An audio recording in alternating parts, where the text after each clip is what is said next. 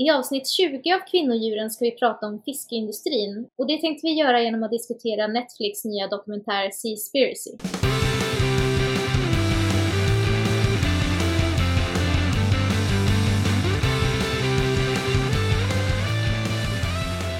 Det här är podden Kvinnodjuren med mig Lina. Och mig Josefin. Kvinnodjuren är en veganpodd där vi pratar om hur vi kan kämpa för en hållbar värld fri från alla sorters förtryck. Innan vi sätter igång så kör vi såklart en lyssnarfråga.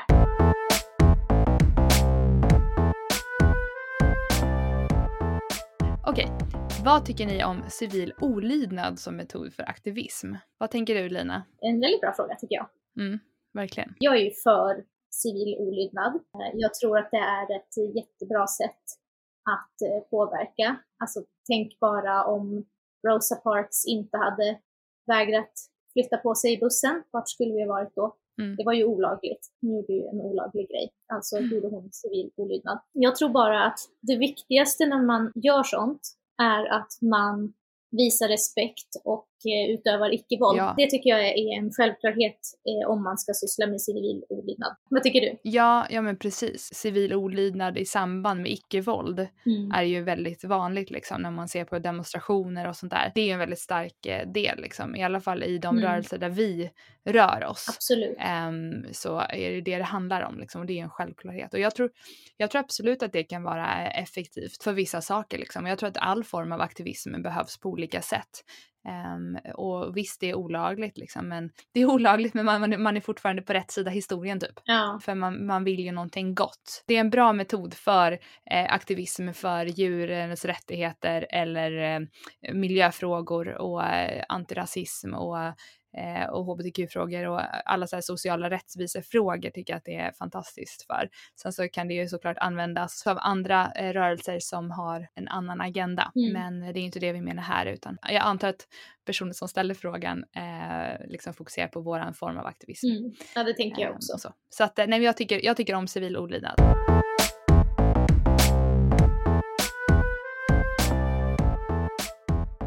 Hur är det med dig Lina? Ehm, det är bra. Jag är lite spänd för jag ska börja ett nytt eh, jobb på måndag. Mm, så kul! Är du pepp? Ja, jag är faktiskt jättepeppad. Det ska bli jättespännande, eh, men också lite läskigt såklart. Mm. Eh, och skumt att börja ett nytt jobb mitt i corona, när man liksom jobbar mest digitalt. Det är lite konstigt. Men det blir nog jättekul tror jag. Vad härligt. Hur är det med dig? Jo, det är bra. Eh, jag, jag är också pepp för jag har skrivit kontrakt på att flytta in i ett kollektivhus till sommaren med min familj. Ja, gud vad mm. häftigt. Eh, vi behövde verkligen större och nu får vi både större lägenhet och gemensamma ytor. Så det kanske jag kan prata mer om i podden i framtiden. Ja, det måste du göra. Mm. Men idag ska vi prata om Seaspiracy, den här filmen ja. eh, på Netflix och om fiskindustrin i stort. Mm, det här är ju eh, en dokumentär av Kip Anderson, alltså samma person som har gjort Cowspiracy och What the Health. Har du sett båda dem? Eh, ja, det har jag. Det var länge sedan, men ja, det har jag. Mm, de är några år nu. Jag tror inte att jag har sett What the Health, men Cowspiracy har jag sett. What the Health har ju fått ganska mycket kritik. Det får ju nästan alla de här dokumentärerna. Um, mm. Men för att det är en del kanske överdrivna eh, fakta om hur, hur bra eh, vissa ja, men växtbaserat kanske är. Um, och det är lite över, överdrivet men jag menar kontentan är ju fortfarande att det är bättre att uh, äta mm. växtbaserat. Uh, så de, de är ändå väldigt sevärda båda två. Och Cowspiracy handlar ju om, uh, om köttindustrin och, och miljön. Så den är också väldigt viktig. Mm. Och nu har alltså den här Seaspiracy kommit som ju handlar om fiskindustrin ur ett etiskt perspektiv, alltså från fiskarna, och värna om fiskarna, men också från ett eh, miljöperspektiv, alltså plast, eh, vad heter det, pollution? Plastnedskräpning i haven. Ja, just det, mm. precis. Och lite sånt. Den är uppbyggd på ett väldigt intressant sätt, eh, för den mm. börjar ju med eh, den här huvudpersonen då som, eh, han engagerar sig jättemycket för ja, men miljöfrågor och nedskräpning av plast och sådär.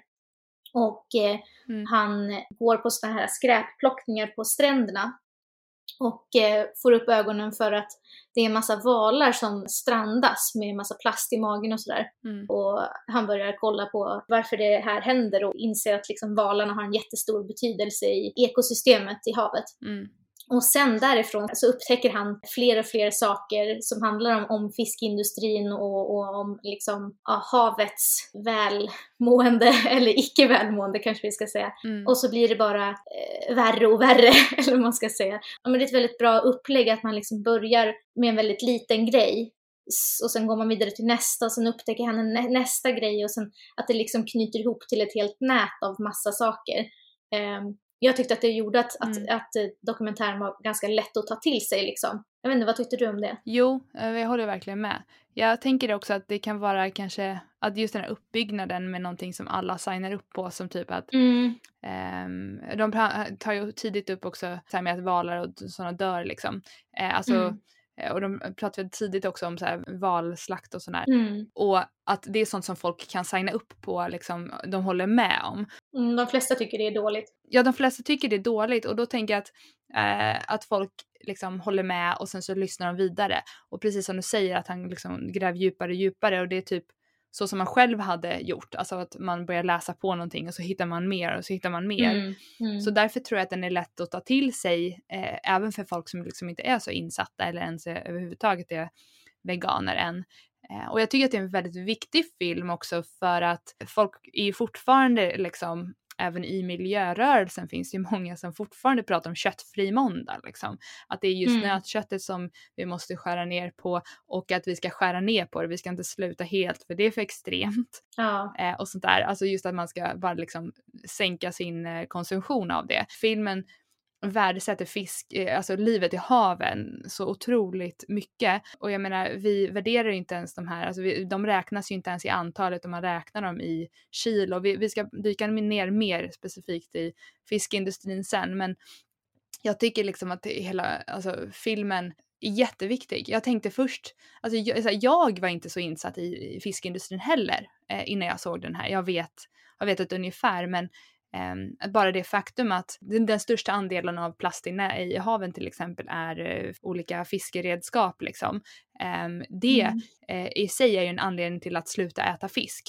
För liksom man kan inte Eh, Eh, det, det, det, bästa sättet vi kan hjälpa haven är liksom att sluta äta fisk och det är kontentan eh, för hela filmen oavsett om det handlar om plastnedskräpning eller eh, klimatet eller havets välmående eller, eller så, så självklart eh, fiskarnas eh, liv i sig. Liksom. Man kan ju tänka att så här, eh, det borde vara ganska självklart för folk, åtminstone för det här att vi vet att, att haven håller på att bli utfiskade och liksom ekosystemet eh, rubbas på grund av att vi fiskar upp så många fiskar det borde man ju kunna förstå att lösningen på det är att vi fiskar färre fiskar. Eller? men, men ja, på grund av eh, de andra, de andra anledningarna också så är den enda lösningen som finns på det här är ju att sluta liksom. Mm.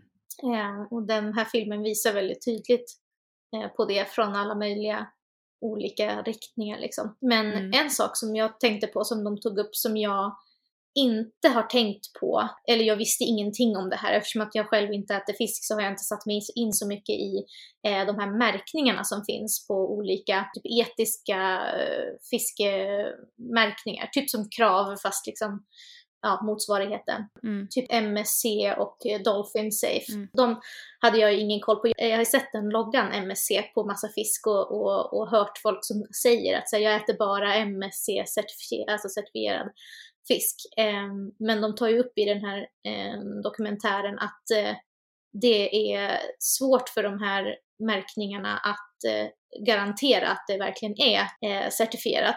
Och det, det, känns som att det är lite samma problem som när vi, när vi pratade om krav. Mm. Alla de här certifieringarna och märkningarna som finns, man kan inte riktigt lita på att de gör det de ska eller liksom mm man kan inte vara lugn att ja, men bara för att en produkt har en märkning så är det, är det safe. Liksom. Det hade jag ingen aning om innan jag såg den här, att det var så stora problem med de här märkningarna som liksom ägs av fiskeindustrin så det är inte så konstigt att de inte följs så bra. Eller liksom. och det, jag tänker att det måste vara jättesvårt också att, för, ute på sjön, liksom, att, att ha kontrollanter och de sa ju att de ofta blir hotade och ibland mördade. Liksom. Mm. Det, det var en grej också som jag vet inte om du också lade märke till att det verkade som att det var så himla mycket illegala mm. grejer som händer inom fiskindustrin. Att det var mm. sjukt mycket läskiga grejer alltså. Ja, Nej, verkligen. Och jag, alltså, jag tycker det, eh, alltså, det är ju ganska självklart när man tänker på det egentligen att det är svårt att kontrollera vad som händer ute på haven. Alltså så här, mm. jag menar en bondgård ligger där den ligger och sen så kanske folk kör förbi där varje dag liksom de ser mm. att korna mår dåligt eller så här, men alla fall för de åker ut med stora skepp och bottentrålar. Det är liksom så här, mm. alltså det blir ju bifångst när man fångar fiskar i havet. Alltså mm. det är inte så konstigt och jag, jag, jag vet inte riktigt vad de har för eh, liksom krav på MSC. Kanske är det just att bottentrålning inte är lagligt, liksom att man, att man fiskar på ett annat sätt. Jag vet inte. Mm, jag vet inte heller. Det är ju själva kontentan här att det är ju ute på havet och eh, kontrollanter var ju som han beskrev i filmen med extremt sällan mm. eh, och att det går ju inte att garantera Eh, jag tänker som, som du sa där med kopplingen till krav, alltså eh, på krav så var det ju, de här bönderna skulle väl rapportera in själva om de hade fått någon anmärkning eller något sånt där. Kommer du ihåg det? Ja, exakt och sen lite samma som här att, att kontrollanterna är lite, eh, vad heter det på svenska, conflict of interest, för att när det var i krav så var det ju enskilda kontrollantföretag som blev anlitade och mm. bönderna själva fick ju bestämma vilket företag som de skulle ha, vilket betyder att företagen tjänar mer pengar om de låter fler bönder, mm. alltså om de är schyssta mot bönderna så att bönderna vill ha dem, annars kan de bara byta, byta bort dem. Mm. Och lite så verkar det som att det, eh, som att det är med de här, typ Dolphin Safe och MSC också, alltså alla tjänar på att man har de här märkningarna och att man får behålla dem också. Mm. Konsumenterna tjänar ju kanske inte på det då, men jag menar alla, alla andra inblandade i, mm. i märkningen. Eh, så att det är inte så konstigt att det släpps igenom och sådär. Eh, speciellt om det handlar om mycket mutor och hot och sånt mot kontrollanterna. Mm. Det känns väldigt eh, obehagligt. För de som inte har sett eh, dokumentären och inte vet vad vi, vad vi pratar om för någonting, så eh, de här märkningarna, till exempel Dolphin Safe, är ju till för eh, att när du fiskar upp, precis som du sa, när du trålar eller använder nät så eh, fångar du ju upp en massa eh, fiskar som du inte vill ha för, för att eh, äta, till exempel delfiner som folk inte, inte vill att de ska dö. Men de dör ändå för att de hinner kvävas eller de blir skadade eh, av att de fiskas upp på det här viset, även om man släpper ner dem mm. i havet igen. Eh, och det är därför som de här märkningarna då skulle garantera mm. att fisken, alltså typ torsken som du äter, inte skulle ha medfört att till exempel delfiner skulle ha dött. Bara så vi har en liten recap av vad det innebär.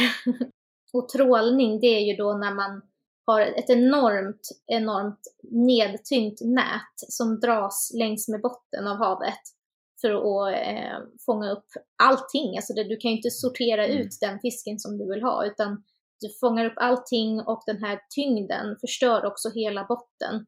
Eh, och det där kan vara väldigt mycket koldioxid som har en kapsel, eh, vad kallas det? kapslats in. Eh, så det är ju som att skövla en regnskog liksom. Och du mm. dödar jättemycket både växter mm. och, och, och, djur. Eh, och sen när du har tagit upp det här så kan det ju då vara Eh, till exempel delfiner eller hajar. Och jag visste faktiskt inte det här med, med hajar, att de var så himla viktiga för eh, ekosystemet eftersom att de är högst upp på näringskedjan. Hade du koll på det? Nej, alltså jag tycker det var jättespännande. Eh, för det, alltså, det är ju också, återigen, det är så självklart när man, när man hör det och, och börjar tänka på det. Eh, det de beskrev var ju helt enkelt att om man fiskar upp hajarna så försvinner liksom de, alltså rovdjuren. Antalet av hajar är minst av, av alla olika sorters fiskar liksom i havet. Eh, för, och sen så då, då, äter de inte upp de, de som är snäppet under dem liksom och då blir de fler och sen så, så dör de ut för de får inte tillräckligt med mat, eller hur? Ja, precis. Så när man tar bort hajen så rubbar det verkligen hela det ekosystemet i haven. Liksom. Mm. Eh, och alla de här stora fiskarna, valar och, och, och delfiner och hajar och speciellt stora valar, liksom, att de är så viktiga för att de är såna här carbon sinks, att de är så mm. jättestora liksom Alltså de är ju massiva, alltså de är ju så mycket större än träd liksom, de är så enorma. Och när de dör så sjunker de liksom till eh, botten av havet och mm. liksom ligger där. Och det, det, all den kolen som har lagrats i den kroppen eh, liksom bara sjunker där och ligger där. Så det blir verkligen som en, en koldioxidsänka liksom helt enkelt. Mm. Kombinerat då med, med det problemet som blir just med eh, eh, med alla olika fiskarna och mm. um, så det blir inte alls hållbart. På tal om det, alltså, jag tror att de var i Asien någonstans, jag kommer inte riktigt ihåg vart det var, men man fiskade typ delfiner, man hade så här delfinjakt de ville få den här blåfenade tonfisken var det väl. Mm. Um, för annars hade de, den ätits upp så att man tog bort hotet mot den fisken som man ville ha själv. Mm, precis, det var ju delfinerna i, där i Japan. Det är det som den här dokumentären The Cove tar upp. Det är samma, ja. eh, samma mm. plats. Eh, för det, det, det undersöker de ju i den här dokumentären varför de Eh, för där, det de säger att de gör där är ju att de fångar delfiner till djurparker. Eh, men, men statistiken säger att det dör liksom mer än, vad var det nu, mer än dubbelt så många som de fångar in dör. Jag tror det var ännu mer faktiskt. Mm. Ja, mer, mer än dubbelt. Jag kommer inte ihåg, det var jättemånga. Eh, och det, då kommer de ju fram till, precis som du sa, att det var för att de, de dödade dem för, för att kunna få den här dyrbara tonfisken liksom. Så himla sjukt. På tal om alla företag och hela industrin som är så korrupt också, eh, kommer jag tänka på det här med plast i havet är ju ett väldigt stort problem. Mm. Eh, och som jag sa förut här med fiskenät och så som är en väldigt stor del av nedskräpningen i haven. Jag tyckte att eh, han var ju och pratade med en organisation, eller olika miljöorganisationer som tar upp det här med eh, plastnedskräpning och hela världen just nu håller på att man inte ska använda sugrör och så här engångsplaster mm. och allting sånt där och till och med vad var det Plastic Free Ocean eller någonting, någon sån här organisation som var med som han intervjuade och man kollar på deras hemsida. Vad kan vi göra för att minska nedskräpningen av plast i haven? Liksom, vad kan vi göra för att rädda alla stackars havsdjur från all plast? Och när det kommer till vad man ska äta för fisk då, eller om man kan äta fisk, så står det bara att ät, ät hållbar fisk.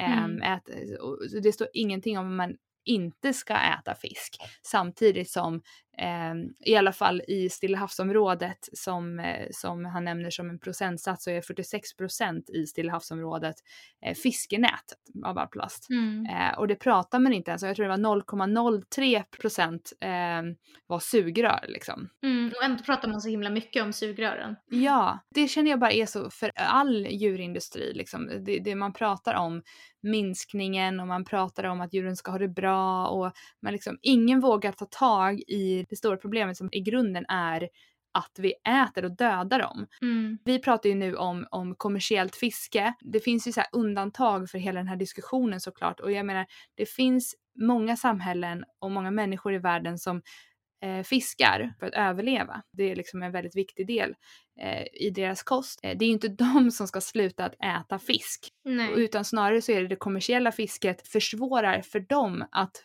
få mat eh, själva liksom. Så att... Ja, gud. Det tänkte jag på den här scenen när man fick se de här stora båtarna så var det personer i små kanoter som åkte runt mellan de här stora fiskebåtarna. De förstod inte vad de gjorde där, men så såg man att de gjorde sådana här tecken, liksom de förde handen till munnen så här, de var jättehungriga, de ville liksom ha mat. För att mm. de var ute och fiskade men de hittade ingenting för att de här stora båtarna har redan fiskat upp all fisk. Det är så fruktansvärt. Mm. Så det, det bästa sättet att hjälpa de personerna är ju också att sluta fiska så att de kan få den fisken som finns i de haven, är, är, känner jag i alla fall, kan ju vara, det är ju till för dem, inte för oss. Ja, jag är vegan och jag tycker att man inte bör äta fisk, men det finns ju människor i världen som de är helt beroende av att kunna fiska upp den här fisken. Det, de måste göra det för att överleva. Mm. Det är ju mm. absolut inte dem den här eh, dokumentären riktar sig till och jag kritiserar inte deras fiskätande överhuvudtaget heller. Jag tycker att det är jätteviktigt eh, att du tog upp det. Ja, och det, och, och, jag menar, och det handlar ju också om veganismens grundprinciper liksom. Alltså, mm. Man vill orsaka så lite lidande så långt det är praktiskt möjligt. Eh, och, det, och det onödigt lidande liksom. Jag menar det finns människor mm. som, som behöver behöver äta djur eh, för att överleva men det behöver inte vi här. Nej. Och ser vi liksom vad hela vår industri och eh, massfiske liksom gör eh, mot dessutom de här mindre samhällena som liksom är väldigt beroende av det. Och det är så otroligt sorgligt och fult. Eh, alltså det är hemskt tycker jag mm. när man mm. lever här där vi lever och liksom rättfärdigar sitt eget kött, fisk, ät, mjölkätande med att det finns folk som måste äta det liksom. Mm. Eh, och att det, dessutom så är det just våran konsumtion av det som gör det både värre för djuren och eh, försvårar Exakt. för de människorna som behöver det allra mest. Mm. Och det är så fruktansvärt att man som konsument inte är informerad om det utan man luras liksom till att följa de här, liksom man köper de här MSC-märkt, man köper krav liksom och tänker att man gör så gott man bara kan för att man mm. är fortfarande ilurad i själva grundprincipen att vi måste äta djur för att överleva. Mm. Ja men verkligen, jag håller helt med.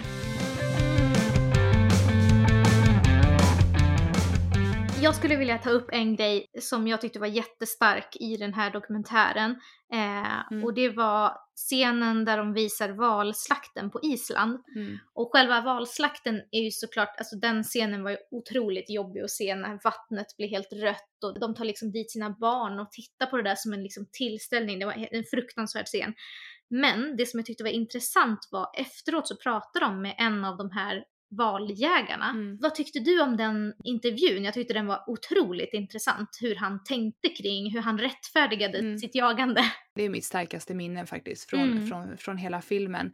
För vad han säger där är så jäkla sant. Han säger att jag dödar en val och jag kan föda så här många människor. Och sen så kommer folk som äter kycklingar och säger att jag inte ska ta ett liv. Antalet liv mm. är så mångfaldigt flera när man äter andra djur än en val. Alltså även kossor. Alltså en val är ju så liksom jättes, jättestor. Ja, han äter djur och han, han, han dödar dem liksom, valarna och valar är jättevackra och fina och vi vill inte att valarna ska dö. Men som veganer så vill vi inte att någon ska dö för varje liv är liksom värdefullt. Och han mm. har verkligen en poäng där. Och alltså ser man då till att om det är nödvändigt att äta något djur um, så kanske det absolut finns en poäng med det, det som han säger. Uh, jag tycker mm. att det var mm. jätteintressant uh, vinkel och jag fick typ rysningar när han sa det. Ja. Vad tänkte du? Nej men jag tänkte exakt samma sak och jag blev också jättepåverkad av det han sa för att nej, jag håller inte med honom på många eh, andra eh, liksom aspekter och han, han rättfärdigar ju inte sitt dödande på något vis egentligen när han, han bara säger, vissa säger att man inte ska döda men nu gör vi det. Alltså det, han, han har ju ingen ursäkt eller vad man ska säga Nej, för varför precis. han egentligen gör det. Men just mm. det, det han sa om att så här, jag ser att alla djur har samma värde, alla har ett liv. Han tyckte då att, att om jag dödar en val så är det lika mycket mat som 2000 kycklingar, alltså ett mm, liv runt 2000 liv. Jag har inte ens tänkt på det tidigare och jag tyckte att det var väldigt intressant att höra från någon som faktiskt till och med dödar djur, att de tänker på det eh, ospecicistiska sättet, eller förstår du vad jag menar? Ja. Det var väldigt intressant bara, även om såklart jag, jag tycker inte att han gör rätt i att döda, eller om du förstår vad jag menar. Nej. Det var verkligen. oerhört intressant att höra någon säga så. Liksom. Mm. Undrar om han funderar på det just för att han blev intervjuad av filmen i det syftet. Men eh, å andra sidan så tror jag inte det. Eh, jag tycker det var det var väl formulerat av honom verkligen. Ja, verkligen. Och jag tror att det kan sätta igång tankarna hos många tror jag, just den intervjun. Mm. Ja, också att det kom från en som verkligen är en del av det. Liksom, ja, och inte från precis. veganhållet eller vad man ska säga. Mm, nej. Men, och det, men det är samma sak som att folk liksom är så jätteanti den här hund, att man äter hundar i Kina och, mm. och, och sånt. Eh, när man inte själv gör det här liksom. Alltså det, att det är en kulturell grej och, och vi tycker, ja, så det, det är jätteintressant. Mm. Efter den här scenen så går de ju mer in då i filmen på just att de känner smärta och eh, att de är smarta och att de liksom, ja, de, de är ju bara så himla olika oss och därför är det så svårt för oss de flesta av oss att se att de har något värde, att de inte är bara små frukter eller grönsaker som simmar omkring. Liksom. Mm. Var det mm. någonting nytt för dig att, att fiskar känner smärta och så?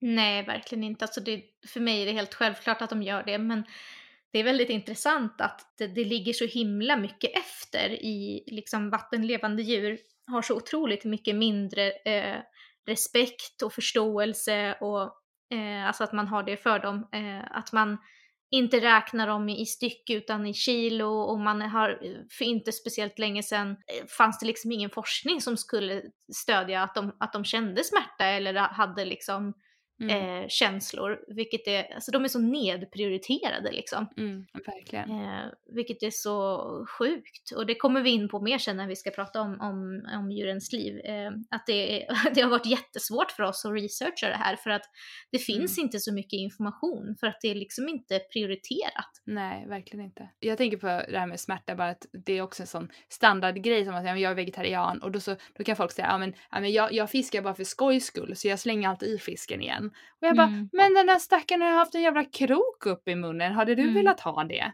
Och det är liksom så här, men det, du vet, de är bara fiskar. Det är så här, mm. Kasta tillbaka dem. Har du fiskat när du var liten? Alltså jag var med en hel del med typ min morbror och sådär. Eh, jag tyckte inte riktigt eh, att det var särskilt kul. Jag tyckte att det var hemskt nog att sätta på den här masken på, mm. på kroken. Alltså jag tyckte det var fruktansvärt. Det gjorde jag inte jag. Um, jag tror nog att jag kanske knäckte någon, någons uh, nacke någon gång definitivt. Men det var liksom, jag får ju så här uh, rysningar i hela kroppen då, tanken på att göra det. Um, idag. Det som stör mig mest med, med fiske som, som kultur liksom, att det är typ det mysigaste man kan göra på sommaren. Det är just det här myset. Alltså mm. så här, att folk, att det, är så, att det är så mysigt och det är det man gör alltså, på sommaren. Ta en liten fiskebåt och avkoppling. Mm. Ja men jag slänger i fisken sen. Alltså så här, det är någons mamma eller barn eller pappa liksom. Jag tycker det är fruktansvärt. Det är samma sak som de säger om jakt, att så här, det handlar mest om Mm. Eh, om den härliga upplevelsen i naturen. ja, för ja. dig kanske. Ja, precis. Ja, det är någons mm. kompis, mamma, barn. Mm. På tal om smärta och på filmen, eller inte bara smärta utan även medlidande. Alltså så mm. att de kunde känna det var någon film där med någon väldigt klassiskt ful fisk. Jag vet inte, jag tyckte de var Jag tycker, jag, jag börjat se, alltså jag tycker, jag tycker fan att fiskar är sjukt vackra. Eh, även om de inte är liksom modell, eh, modellliknande direkt. De är inte normsnygga om man säger de så. De är inte normsnygga, exakt bra ord. De är inte normsnygga men jag tycker de är så vackra. Eh, men det var någon där de, det var typ två, tre fiskar i ett akvarium. Oh. Och, sen så, alltså, och sen så typ eh, höll de på att sticka upp den ena fisken framför det akvariet. Mm. Och alla fiskarna liksom du vet, de flockades och tittade och Eh, de såg inte glada ut. Nej. Samtidigt sa de att, att de hade mätt upp stress och liksom att de, Precis. att de förstår att det där är en av dem. Liksom. Mm. Och så fruktansvärt. Men det är klart att de förstår att det är en av dem, de ser ju varandra liksom. Mm. Nej men om man ska sammanfatta det här, alltså jag tycker att den här dokumentären var oerhört intressant. Mm. Den är ju ganska tung såklart, det är ju alla de här, alltså vi pratar, det här är tunga ämnen liksom. Mm. Så den kan vara jobbig att se men eh, jag tyckte ändå att den var otroligt, otroligt bra. Mm. Men den har ju fått en del kritik, mm. eh, vilket alla de här filmerna får såklart för att eh, ja. vi lever i ett väldigt specicistiskt samhälle och man vill gärna hitta saker och fel såklart. Och det var väl mest att vissa saker kanske uppfattades lite snett som till exempel det här med 46% plast i haven. Eh, tror jag att man kanske uppfattade som att det var generellt men det var ju då specifikt i Stilla havsområdet. Ja, kritiken har ju varit att det skulle vara missvisande då att ta den siffran för att Stilla havsområdet är bara en plats. Eh, mm. Att den då skulle vara, det skulle vara en liten del, men Stilla havsområdet är ju jättestort. Vet du hur stort det är? Eh, ja, jag kan läsa i anteckningarna att du har skrivit tre gånger så stort som Frankrike. alltså, jag tänkte mer om du visste det sen innan så kunde jag berätta för nej, dig annars. men jag tyckte att det var en rolig grej att säga, förlåt. jag kommer nog spara det här. Men eh, ja, nej men jag visste verkligen inte det alls. Eh, det är jättestort. Tre ja, gånger tre så stort gånger så stort som Frankrike. Det är ju skitstort. Mm. Om 46% av den ytan är fiskeutrustning, det är jättemycket. Och kritiken har då sagt att ja, men det är ju inte en majoritet för att det är inte över 50% Det är fortfarande otroligt mycket. Och det är fortfarande, även om, de, om det inte är lika mycket över hela världen, så den mängden jämfört med det här sugrören som är 0,03 procent. Ja. Alltså varför, hur kan man då prata så mycket om sugrör och ingenting om det här? Det är det som är det skeva tycker jag, inte vilka mm. exakta eh, statistik eller, eller sådär, utan det är helheten. Det är ju, varför fokuseras mm. det inte på det här? Det är ju uppenbarligen otroligt mycket mer. Ja, precis. Och det, det, ja, precis som du säger, det skiljer sig över hela, över hela världen såklart, mängden. Men det är ju ett jättestort problem att just fiskindustrin tappar mycket nät och det liksom bara sjunker och ja, nej, det, det är mm. verkligen ett stort problem att vi äter fisk och att fisk fiskas kommersiellt på det sättet som det gör. Liksom. En annan sak som, som har fått kritik är att personen som de intervjuade på Dolphin Safe Tuna, han har sagt att eh, det han sa var, var taget ur sitt sammanhang, men han säger verkligen rakt ut att så här, vi kan inte garantera det här. Alltså han, jag förstår inte hur han eh, kan säga att det är taget ur sitt sammanhang. Det är en, en intervju där han får, det ställs en fråga och han svarar ett svar. Alltså, och, och han, det är inte som att han bara säger så ja eller nej, utan han verkligen förklarar ingående hur det ligger till. Så, så jag vet, inte, det känns som att han, mm. eh, bara har blivit skraj i efterhand. Han säger ju rakt ut så att det kan ju hända att de blir mutade och ja. de har inte särskilt många kontroller, det är svårt och eh, att liksom ha så många och alltså, han säger ju de sakerna rakt ut. Ja. Det kan liksom inte tas ur sitt sammanhang. Nej, precis. Vad kan han annars ha menat med det? Men sen så var det en annan grej som jag hittade. Såklart så har ju eh, de här kritiserade företagen, typ Dolphin, Safe Tuna och MSC, de har ju, de har ju liksom eh, visat kritik för det här. Det är klart, det, det skadar ju dem liksom. Eh, mm. Och de har ju då ifrågasatt, MSC alltså, eh, har ifrågasatt att man kritiserar dem för att ha licensavgifter. Alltså att man tjänar pengar på fiskeindustrin så att de som ska få den här märkningen, eh, de får köpa märkningen i princip av med en licensieringsavgift. Mm. Och eh, de säger då att de använder de pengarna för hållbart fiske. Eh, de donerar sina pengar till Ocean Stewardist Fund, säger de. Mm. Men när man kollar upp vad det här, alltså hur mycket det är, de säger att de spenderar 5% av sina intäkter på det, vilket är ju jättejättelite. Men om man tittar ännu närmre så ser man att det är inte ens 5% utan typ förra året så var det väl närmre 2 eller någonting. Så att det är ju otroligt lite som de då de säger att de liksom ger tillbaka men det visar mm. ju att det liksom inte ens är så. Så att den kritiken känns inte heller så legit på något vis. Nej, alltså jag tycker bara sammanfattningsvis en sak som är problem med kritik mot sådana här filmer. Eh, det är liksom att nu har den fått lite kritik eh, och det fick även What the Hell kring vissa specifika saker. Mm. Och det mm. svärtar ner hela filmen. Mm. För då är det så många som eh, kanske har, ja den här filmen ska man se, ja fast ja nej, det var ju en hel, hel del felfakta i den där så det, ja, mm. den kanske man inte ska ta och se. Det är ingen idé att jag ser det om det är massa liksom eh, fake bara hittar på grejer eller sånt där från veganer som ska försöka få en att sluta äta fisk. Jag tänker om man är lite motsatt så här, inställd till den från start så kan det nog vara mm. tyvärr väldigt eh, negativt att få den här typen av kritik.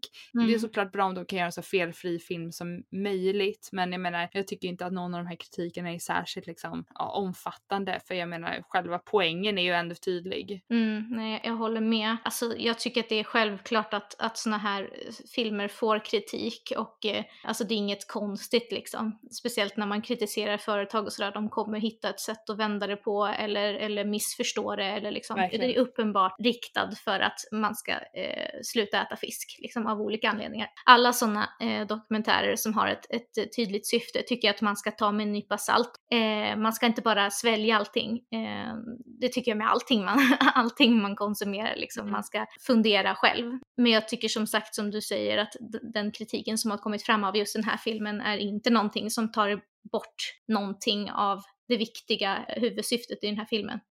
Nej. Och är det saker som man funderar på, så här, stämmer det här verkligen? Då är det ju bara att man googlar och försöker ta fram information själv. Ja, exakt. Det, är liksom, det, det finns ju fakta liksom, som, som den bygger på, så, som man kan hitta själv. Mm. Det är ju inte bara en massa flum, utan den är riktigt bra. Så se den om du inte har sett den. Ja, verkligen.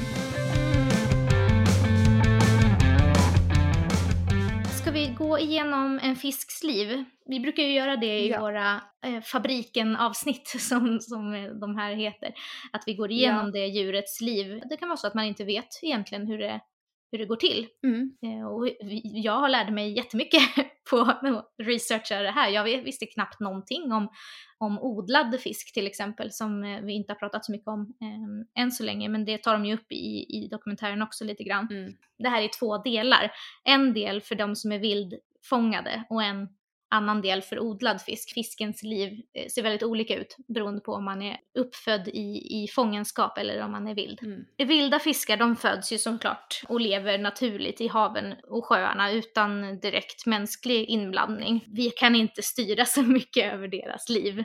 Det, de lever i haven. Mm. Och nu finns det ju jättemånga olika fiskar. Det, det känns väldigt dumt egentligen att prata om eh, en fisks liv som liksom en samling för all eh, all fisk och skaldjur, det blir lite knasigt. Men vi måste liksom slå ihop det lite grann för att kunna eh, berätta det här på någorlunda kort tid. Men de flesta fiskar äter eh, en bas av alger och som de får i sig antingen av att eh, liksom äta algerna från till exempel sjöbotten eller bara genom att, vad gör de, andas? Eller de liksom tar ju in vatten och ut genom gälarna och då får de i sig partiklar av alger och sådär, eller algceller. Och sen kompletterar de med växtplankton och djurplankton och så skaldjur och andra fiskar om de då är, är rovfiskar. Så att alla mm. fiskar har egentligen någon form av bas av alger och det är ju så de får i sig omega-3 som vi har pratat om tidigare att det är eh, anledningen att omega-3 finns i fisk är ju för att de får i sig det. Mm. Inte att de bara magiskt innehåller det. Nej, Men de innehåller ju också en massa annat då för att de får i sig allting som finns i vattnet. Så till exempel alltså olika gifter som dioxin och PCB och eh, framförallt kvicksilver som ju då människan har släppt ut i vattnet. Fiskarna absorberar ju det jättelätt för det växtplankton som finns eh, i haven, de absorberar kvicksilver extremt bra. Eller mm. dåligt kanske, men ja, ni förstår vad jag menar. Och sen så äter ju fiskarna upp de här växtplanktonen och sen rör sig det upp i näringskedjan, alltså en större fisk äter den fisken och så vidare. Mm. Och skadan av de här gifterna väger oftast upp nyttan av den omega-3 och de andra näringsämnena näringsämnena som man får av att äta fisken, det är ofta mer skadligt än vad det gör bra för, eller gör väl mm. på grund av all, alla gifter som finns i fiskar. Jag känner igen det från när jag var liten att det var mycket snack om, om allt kvicksilver ja. i fisk. Ja, ja men precis, det ackumuleras ju liksom i deras kroppar, alltså gifterna ligger liksom kvar eh, i det. Mm. Och jag menar, jag som har varit gravid nu två gånger, det är ju en sån här jättestor grej. Mm. Som gravid kan man äta det mesta och man kan vara helt vegan. Men man ska absolut inte äta vissa fiskar. Och sen så är det så här opastöriserade ostar också. Mm. Men det finns ju inget veganskt som du inte får äta liksom. Nej. Eller jag tror inte man helst ska äta så mycket alger också på grund av lite av de här eh, riskerna kanske med vissa mm. gifter och så. Men det är ju framförallt då vildfångad fisk och speciellt då för, från Östersjöområdet tror jag men ja, precis. Enligt Livsmedelsverket så finns det ju gränser för hur ofta du ska äta olika typer av fiskar. Mm. Så absolut. Eh, och omega-3 kan man ju lätt få i sig då genom att äta alger direkt eller att ta eh, algoljetillskott eller typ linfröolja och linfrön mm. och valnötter och rapsolja och sånt där. Så vi behöver absolut inte äta det för att få i oss omega-3. Liksom. Nej, men så i alla fall då, de här fiskarna lever sina liv till största del då utan direkt kontakt av människan, men allt som de får i sig så, det är ju en påverkan av mänskligheten om än inte mm. en direkt kontakt. Men sen när det är dags då att fiska upp de här eh, så görs det då främst med eh, nät vid ytan eller bottentrålning som vi pratade om tidigare, alltså ett, ett stort mm. nät som släpas längs med havsbotten. tänker man är ofta ute efter vissa typer av fiskar, det är ju så otroligt mycket bifångst och bifångst är ju liksom, det kan vara delfiner, det kan vara liksom men så stora fina fiskar som andra industrier typ egentligen kanske hade velat ha. Um, och sen så sköldpaddor är ju väldigt vanligt också vilket mm. folk tycker är jättehemskt. Um, uh, och det är liksom, de, jag vet inte riktigt hur det sorteras ut men stora, stora, stora fiskar och valar eller eh, så här hammar, hammarhajar såg man ju i Seaspiracy att de, det kastas ju tillbaka. Och, och de här större då fiskarna eller djuren som kastas tillbaka kan vi antingen se med hur de slår i liksom båtarna när de kastas mm. tillbaka i eh, eller så har de redan dött av, av kvävning liksom. Mm. Um, det är jätte, jättemycket problem med bifångst oavsett liksom vilken typ av eh, fisk det är som, som man äter liksom. Mm. Ehm, och det är fruktansvärt verkligen hur många liv som går, går till spillo. Och eh, eftersom att vilda fiskar inte omfattas av djurskyddslagen, visste du det förresten? Det hade jag ingen aning Nej. om. Det är så sjukt. Men de är väl inte djur i folks ögon liksom? Folk kallar ju det vet, för havets frukter och alltså, det är helt seriöst Stockholms vegetarianer, de äter ju fisk. Alltså... Ja, vad är det för konstig tanke om att fiskar liksom inte skulle räknas som djur? Eller vad är det? Nej. Jag förstår inte riktigt vad det är. Jag har aldrig fattat det. De i ton, du vet. Ja. Nej, det är fruktansvärt. Jag visste inte det heller, men det är fruktansvärt. Jag tror att djurskyddslagen lagen är liksom uppbyggd så att den, den ska skydda djur i fångenskap. Eh, och eftersom att vilda fiskar är vilda så omfattas de liksom inte. Eh, men eftersom att de inte gör det så finns det heller inga krav på hur de ska dödas. Alltså i andra typer av djurindustrier så finns det ganska mycket regler för hur dödandet ska gå till för att man ska då eh, undvika mm. lidande liksom, vilket är... Inte riktigt är möjligt. Nej, mm. men det finns i alla fall regler för det. Men för vilda fiskar så finns inte det. Så därför så är den vanligaste dödsorsaken inom det kommersiella fisket, eller det tros vara, för man vet inte riktigt för det finns ingen statistik eftersom det inte finns några regler kring det. Eh, men det tros vara kvävning, alltså i luften, när fiskarna tas upp ur vattnet. Eh, och jag kan också tänka mig att det är klämskador då eftersom att det är sådana enorma nät då, att de kvävs och, och kläms mm. ihjäl. Eh, och det här är då väldigt plågsamt. Ja men tänk bara att fiskas upp, man har ju sett de här stora, stora fiskenäten. Och så tänker alltså du som fiskar upp, man ser de här enorma mängderna fiskar i de här näten. Det här var någonting som slog mig nu. Och vi har pratat om att fiskar känner smärta. Tänk att vara en av de där fiskarna där inne i mitten någonstans. Mm. Helt ihop. Fatta ångesten, skräcken, eh, liksom smärtan av att ha alla de här, alltså usch, fy vad Nej, traumatiskt. Det är fruktansvärt. Um, och sen så eh, kan vi bara lägga till då att det finns ju även sportfiske då när, när man fångar fiskarna med ja, plågsamma krokar i munnen och, och att de eh, dör med slag mot huvudet eller, eller kvävning. Eh, eller att man knäcker nacken på dem och sådär. Och det, det är väl inte en del av kanske fiskeindustrin, men det är ju även en, en stor del fiskar som dör på det sättet också. Så, så, här kan liksom en fisks liv se ut om den lever vilt i havet. Mm. Och det har ju jättemycket påverkningar på miljön och just det här att de inte omfattas av djurskyddslagen så att de plågas till döds. Då kan man ju tänka att så här, okej, okay, men odlad fisk, det måste ju vara liksom lösningen för att då kan man liksom kontrollera det och, och man kan se till att eh, men vi bottentrålar inte så vi förstör inga områden och så vidare. Så odlad fisk har ju länge setts som en liksom räddningen på det här med överfiske och, och alla problem som viltfångat mm. fiske för med sig. Verkligen. Men det får vi ju eh, får vi ju reda på ganska snabbt att det, eh, det är verkligen inte så. I filmen berättar de ju det väldigt tydligt. Ja, och, och sen i, i den research vi har gjort inför det här eh, avsnittet så eh, det är så oerhört sjukt. Mm. Men så vi kan ju ta en titt då på eh, hur en odlad fisks liv ser ut.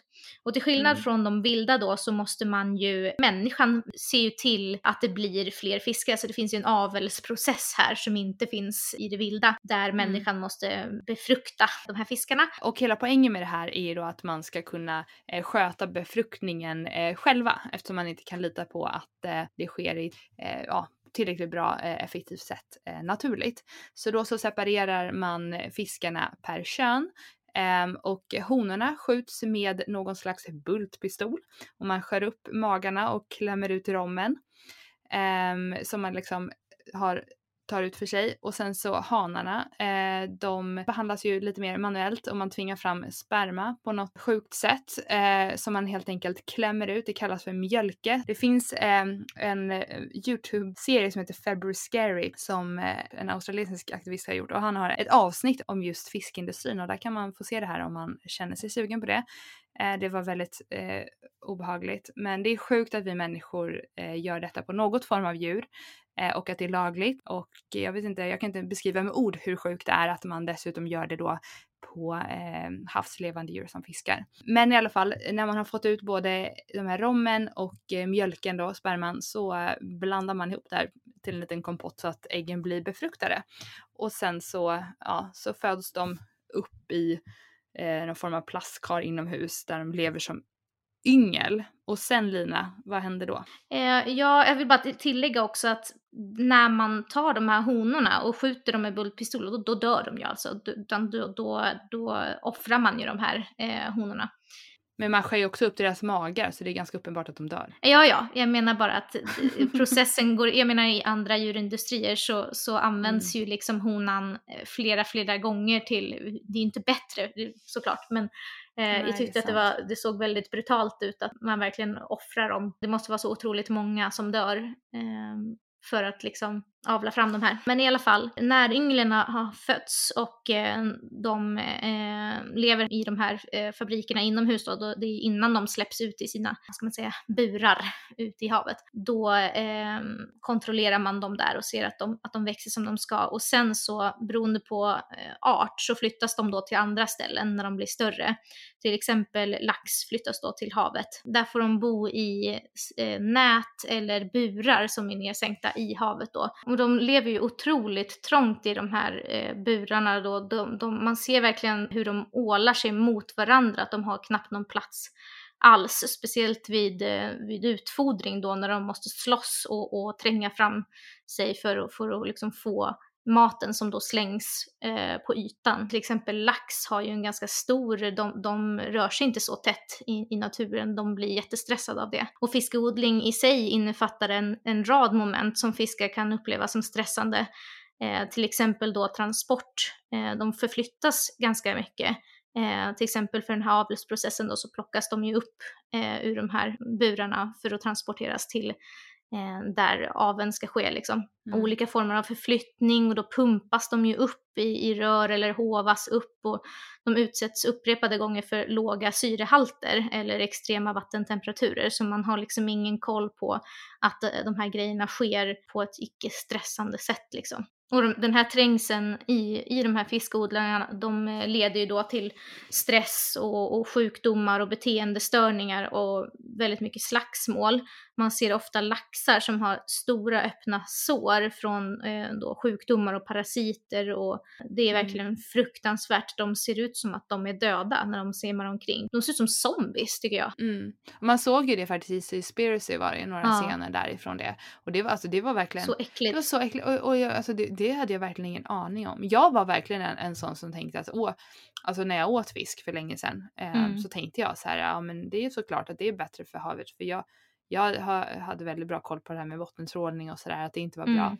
Men alltså det är ju verkligen fruktansvärt vilket, vilket liv. Och sen så det här med utfodring, vad de äter. Ja, nej men det ironiska är ju det här att eh, man säger ju att odlad fisk skulle vara mycket bättre då för att man skulle kunna kontrollera överfiskandet och så för att man avlar på dem då. Men mm. grejen är att de äter ju, det är ju oftast rovfiskar då som man odlar och de äter ju andra fiskar alltså. Det är det som, som eh, det innebär att vara en rovfisk. Så att de matas ju med fiskmjöl och det är ju gjort på viltfångade fiskar. Och det, eftersom att de fångade fiskarna ofta är små så går det åt väldigt mycket för att föda en enda odlad fisk. Mm. Så där tappar man ju hela den tanken med att det skulle mm. vara bättre. Ja, verkligen. Och någonting som de berättade i Seaspiracy också var någonting som jag verkligen faktiskt inte hade hört förut. Men att till exempel lax då, som vi använder som exempel igen, att de får något slags rött färgämne för att deras kött ska eh, se mer rosa ut och de ska upplevas som mm. friskare mm. än vad de egentligen är. Och då odlarna kan ju då kontrollera hur mycket rött färgämne de får. Mm. Egentligen skulle typ laxen vara nästan grå om de inte tillsatte det här röda färgämnet. Jag, jag vet inte riktigt varför, varför det är men jag har för mig att jag hört att när de odlar att de, att de mår inget bra och de simmar inte så mycket. Nej. Så att jag tänker att det inte, kanske inte kommer ut så mycket blod i musklerna. Jag vet inte, alltså att det inte är som att deras kroppar inte mår så bra. Men det är bara en, det är bara en teori från mig. Jag har inte heller stenkoll, men jag tror också att det kan ha att göra med att eh, vilda laxar äter typ rödalger och sånt som gör att, det, att de får mm den färgämnen, men jag är inte helt säker. Det är i alla fall så som uh, flamingos blir rosa av att de äter rödalger, det vet jag. Mm. Men uh, jag kan tänka mig att det också har att göra med stressen och så, för det har jag hört alltså i grisindustrin, att ja men typ uh, kött från så Danmark och så, där, där det är extremt stressigt för grisarna, att där blir köttet alldeles grått. Mm. Ju, ju mer rosa det är, desto mindre stressade ska djuret liksom ha varit eh, innan slakt. Mm. Eh, och jag kan tänka mig att det kanske har någonting, att det är någon liknande grej här också. Men mm. jag vet inte. Ja det är fruktansvärt oavsett och alltså jag menar som konsument borde man verkligen känna sig lurad liksom. Mm, ja men verkligen. Men i alla fall i den här stimulansfattiga och stressiga miljön så tvingas fiskarna att leva mellan två och fem år då innan de slaktas. Till skillnad från vildfångad fisk så måste enligt lag alla djur som föds upp i fångenskap bedövas innan slakt. Så det är ju skillnaden då, eh, att det finns regler kring eh, hur de här fiskarna ska slaktas, eh, mm. vilket det inte gör om man fiskar upp dem vilda. Eh, och det gör man då genom att man lyfter upp dem ur de här eh, burarna som de är i eh, och sen sänker man ner dem i en koldioxidmättad vätska. Eh, och det leder då till att eh, eh fiskarna får panik och frätskador. Eh, men efter 10 minuter i den här koldioxiden eh, så tappar de till slut medvetandet. Men de flesta som slaktar väntar bara ett par minuter eftersom att köttkvaliteten annars försämras. Där kan jag också tänka mig att det har med eh, stressen och panikkänslorna, att det kan liksom sabba mm. köttet. Så det, de går en otroligt eh, traumatisk död till mötes. Mm, precis. Undersökningar visar att olika sorters bedövningar som nedkylning och koldioxidbedövning och i viss mån elbedövning eh, kan göra att fiskarna blir orörliga men samtidigt så utsöndrar de stresshormoner som att de, att de fortfarande eh, är jättestressade fastän de, de ser ut som att de har tappat medvetandet. Mm. Så det görs tydligen ganska mycket undersökningar och forskningar på slakt av fiskar nu eh, och hoppas att det kommer att göra att de här reglerna skärps. Verkligen. Tänker jag. Men vad händer sen? Jag vet inte, det är väldigt svårt att hitta sen hur man faktiskt slaktar odlad fisk. Alltså... Ja precis, för de dör ju inte av den här koldioxiden. Det är precis som med grisar, att de blir, de blir bedövade eller tappar medvetandet liksom. Och sen mm. sker liksom dödandet sen. Men när jag kan kan inte heller hitta riktigt. På djurfabriken.se så står det att man skär upp gälarna på dem efteråt. Men jag vet inte om det är själva dödandet eller om det är en del av liksom styckandet eller vad man ska säga. Men jag kan tänka mig att de flesta kanske har kvävts innan det här. Men det känns ju som att de borde göra någonting för att säkerställa att fisken är död, eller? Men, men det är också svårt för det är ju sådana mängder, man kan ju inte liksom, det kan ju inte vara ett manuellt arbete att eh, skära halsen av varje fisk heller. Ja, det låter otroligt ineffektivt, men jag vet ja, inte. Ja, precis. Jag vet inte om de åker på en rullband liksom och så har de någon sån här såg eller något. Um, mm. Men ja, precis ja, de, de dödas på något sätt. Men jag tycker det säger ganska mycket att det är svårt att hitta exakt mm. hur, de, hur de dödas för att um, ja, att de, de ses bara som en enda stor mängd liksom och inte som individer. Mm. Mm. Ja, och det här, alltså nu har ju vi letat efter hur det ser ut generellt, men, men det skiljer ju sig såklart jättemycket eh, vad det är för slags fisk och, och skaldjur har vi inte ens gått in på, det är ju en helt annan eh, process och sådär. Eh, men jag tänker att vi får försöka hålla det lite kort nu. Kort och kort. för att det inte ska bli typ två timmar långt. Ja, nej men ja, vi får, vi får dra lite alla fiskar över en kam fast vi inte egentligen skulle vilja. Precis som fiskeindustrin gör. mm, ja men precis.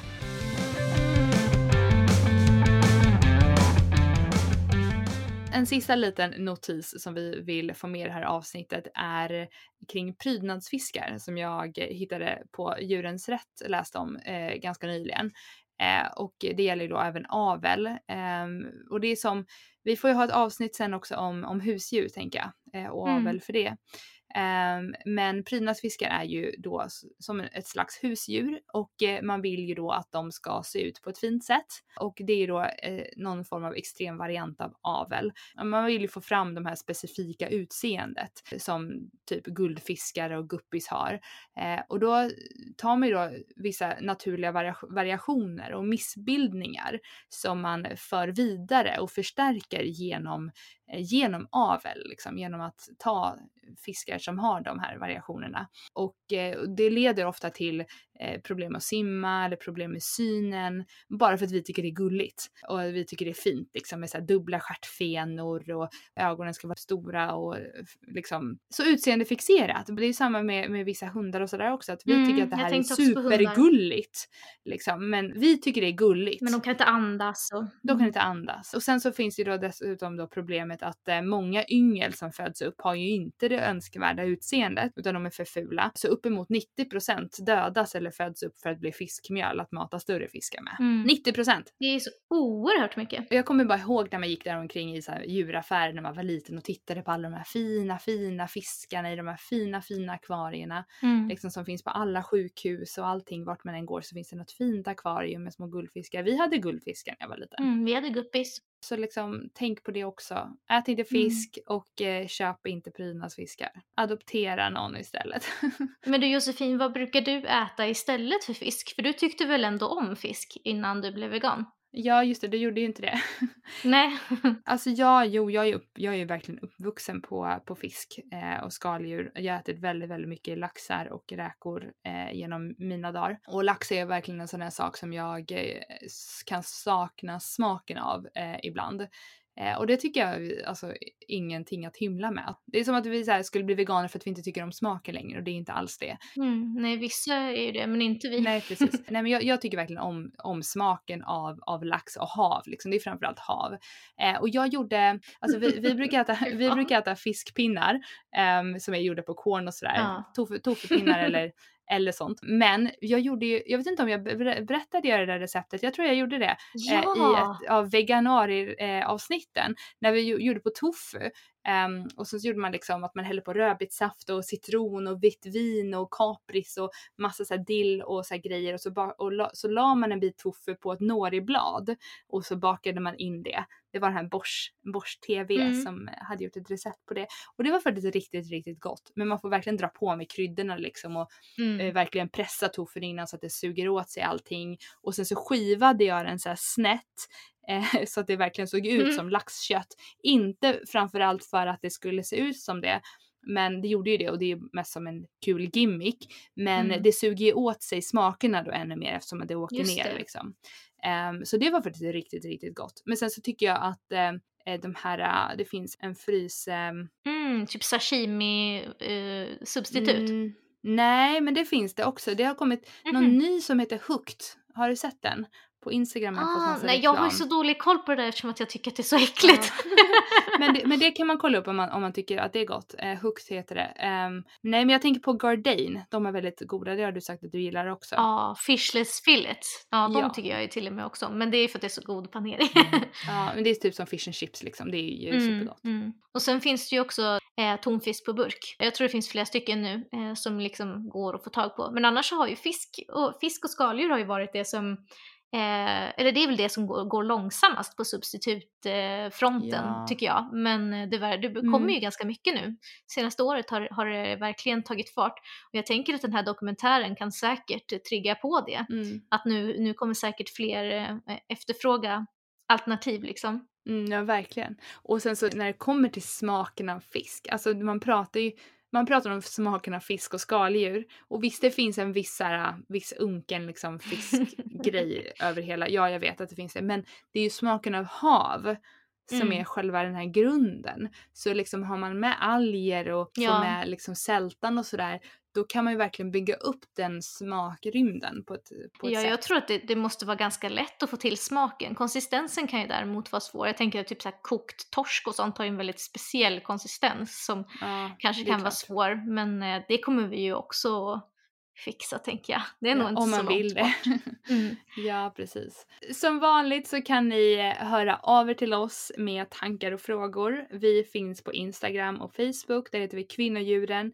Eller så kan ni skicka ett mejl på kvinnodjuren.gmail.com och skicka gärna in fler lyssnarfrågor till oss som vi kan svara på i början på avsnittet. Absolut. Vi hörs nästa gång. Hejdå! Hejdå!